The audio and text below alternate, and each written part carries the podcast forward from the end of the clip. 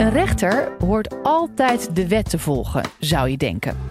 Maar er zijn genoeg situaties waarin de wet niet heel duidelijk is. Ja, mag je dan als rechter je eigen regels bepalen? Nou, professor Roel Schutgens van de Radboud Universiteit legt in deze podcast uit wanneer een rechter lak kan hebben aan de wet.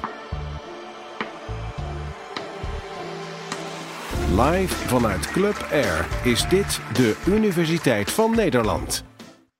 Dames en heren, moet de rechter de wet heel precies toepassen als twee burgers met elkaar geschil hebben?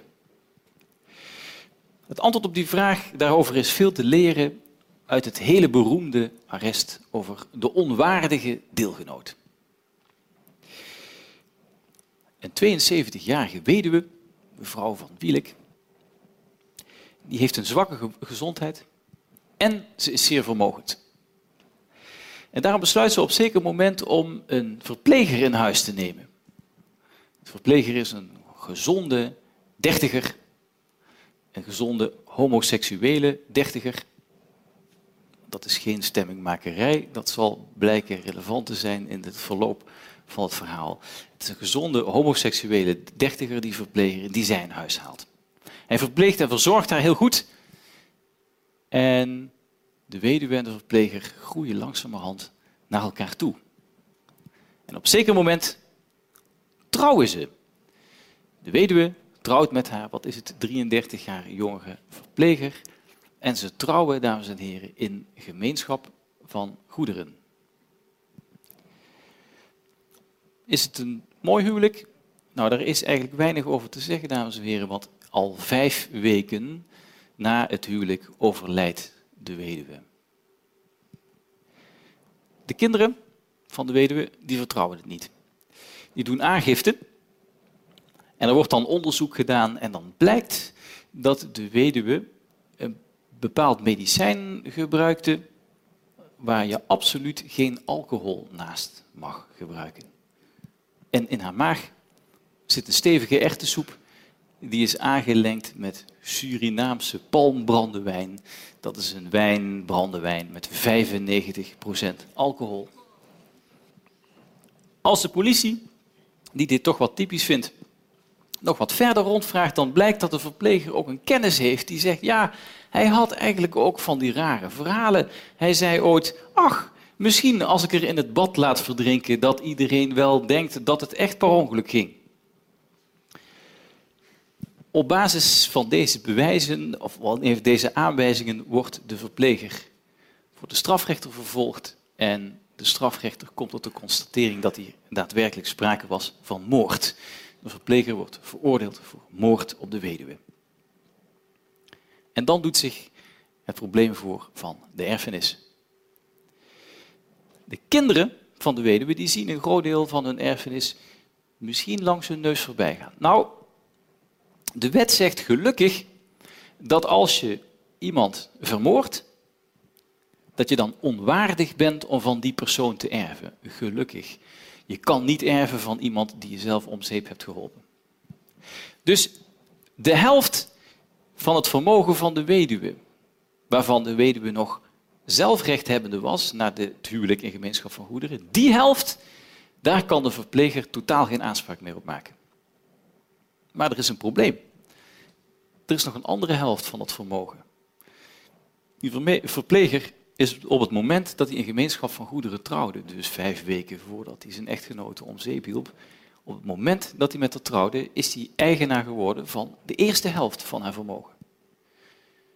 De kinderen van de weduwe die zeggen, je hebt op, ook op die eerste helft totaal geen recht. En hier ontstaat een rechtsgeding over, dames en heren. De verpleger eist vanuit de gevangenis gewoon zijn eerste helft die hij door het huwelijk had verworven op. En de kinderen zeggen, dit is moreel toch niet aanvaardbaar dat die helft naar de moordenaar van onze moeder gaat. Probleem is, de wet zegt hier niets over. Het is zo'n bizar type geval dat je iemand, eh, een oude vrouw, huwt en dan met een vooropgezet plan haar een tijd later om het leven brengt.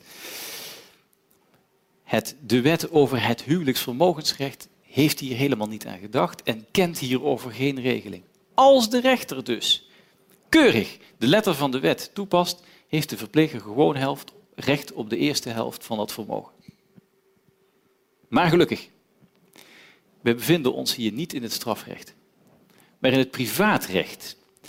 Het rechtsgebied eh, dat probeert om een redelijke verhouding te regelen tussen burgers onderling. En in dat privaatrecht, dames en heren, daar is de rechter en de wetgever helemaal niet zo gepreoccupeerd met dat legaliteitsbeginsel. Daar is men helemaal niet zo bezig met heel precies de rechter met handen en voeten binden aan de letter van de wet. Nee, het burgerlijk wetboek, het wetboek voor burgers onderling, dat staat vol met normen als burgers moeten zich redelijk gedragen. Burgers moeten zich zorgvuldig gedragen. Burgers moeten te goeder trouw zijn. Het burgerlijk wetboek staat vol met open normen die bijna van elastiek zijn. En daar maakt de rechter in dit geval gebruik van. Het gerechtshof zegt, er is een algemeen rechtsbeginsel in Nederland dat zegt, je mag nooit voordeel trekken uit moord. En omdat dat algemeen rechtsbeginsel er is, laten wij de wet die eigenlijk zegt dat je recht hebt, verpleger, op die eerste helft van het vermogen, die wet laten wij fijn buiten toepassing. En gelukkig, dames en heren, dit keer geen akelige uitkomsten. Er wordt doorgeprocedeerd tot bij de Hoge Raad, ons hoogste rechtscollege. Sprong is niet ingehuurd. Bovendien is het privaatrecht. En de Hoge Raad laat deze beslissing in stand. De verpleger kan geen aanspraak maken, ook niet op de eerste helft van het vermogen. En in die redenering speelt een rol dat de Hoge Raad zegt, ja, niet alleen heb je de weduwe verwoord, vermoord, maar het is ook een vooropgezet plan geweest. Op het moment dat de man trouwde, was hij eigenlijk al van plan om op deze manier, op een slinkse wijze, haar hele vermogen zich toe te eigenen. En daarom is ook die verwerving door dat huwelijk totaal onredelijk en kunnen we de wet gewoon buiten toepassing laten. In het privaatrecht stikt het van de open normen en gelukkig kan de rechter daardoor rechtvaardige uitkomsten bakken. Maar nu. Ik wil toch nog even een casus met u delen die ik laatst meekreeg toen ik een keer bij de kantonrechter op de publieke tribune zat. Ik kan u dat aanraden, dames en heren, als u een keer een interessante middag iets wil leren over de maatschappij, dan moet u naar de kantonrechter, meester Frank Visser en zijn collega's, moet u daar een keer op de publieke tribune gaan zitten. Het is buitengewoon interessant wat je daar aan sociale en psychische problematiek ziet langskomen. Dat was ook toen ik toevallig een keer op de publieke tribune zat bij de kantonrechter in Nijmegen. Daar zag ik een zaak die ik niet snel zal vergeten, omdat ik hem emotioneel interessant vond, maar ook juridisch. Bij de kantonrechter zat een ouder echtpaar. Ik schat ze begin 70. Ze hadden een netste pak aangetrokken natuurlijk. Oudere mensen die naar de rechter gaan, dan verschijnen daar keurig. Maar zij zat te snikken. En waarom zat ze te snikken?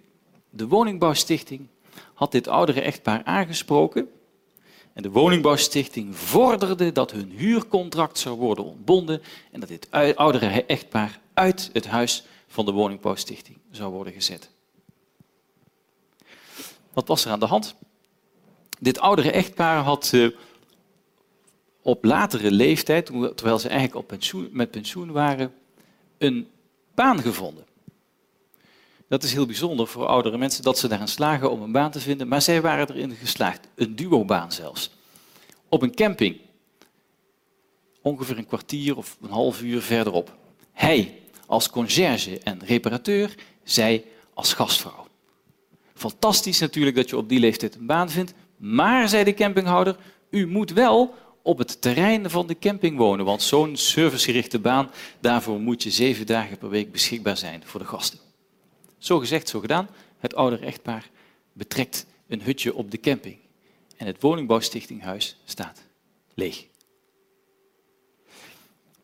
De woningbouwstichting wilde het echtpaar daarom eruit hebben. Want de woningbouwstichting eist van al haar huurders dat ze het huis dat ze huren bewonen. Waarom is dat? Nou, dat is wel begrijpelijk woningbouwstichting heeft te kampen met hele lange wachtlijsten. En er zijn voor ieder huis waar iemand in zit, zijn altijd vele jonge gezinnen die in dat huis zouden willen trekken. de woningbouwstichting vordert dus ontbinding en uitzetting van dit echtpaar. Wat is het probleem? Het echtpaar heeft een huurcontract uit 1976. En in dat huurcontract, dames en heren, staat niet dat ze verplicht zijn in dat huis te wonen. Want zo'n verplichting, een verplichting om in een huis dat je huurt te gaan wonen, dat, en dat geeft de woningbouwstichting ook toe, dat is de stichting pas halverwege de jaren 80 van haar huurders gaan eisen. Het echtpaar heeft dus een contract zonder bewoningsverplichting. De wet kent ook niet zo'n bewoningsverplichting. En het echtpaar zegt dan ook, wij zijn modelhuurders.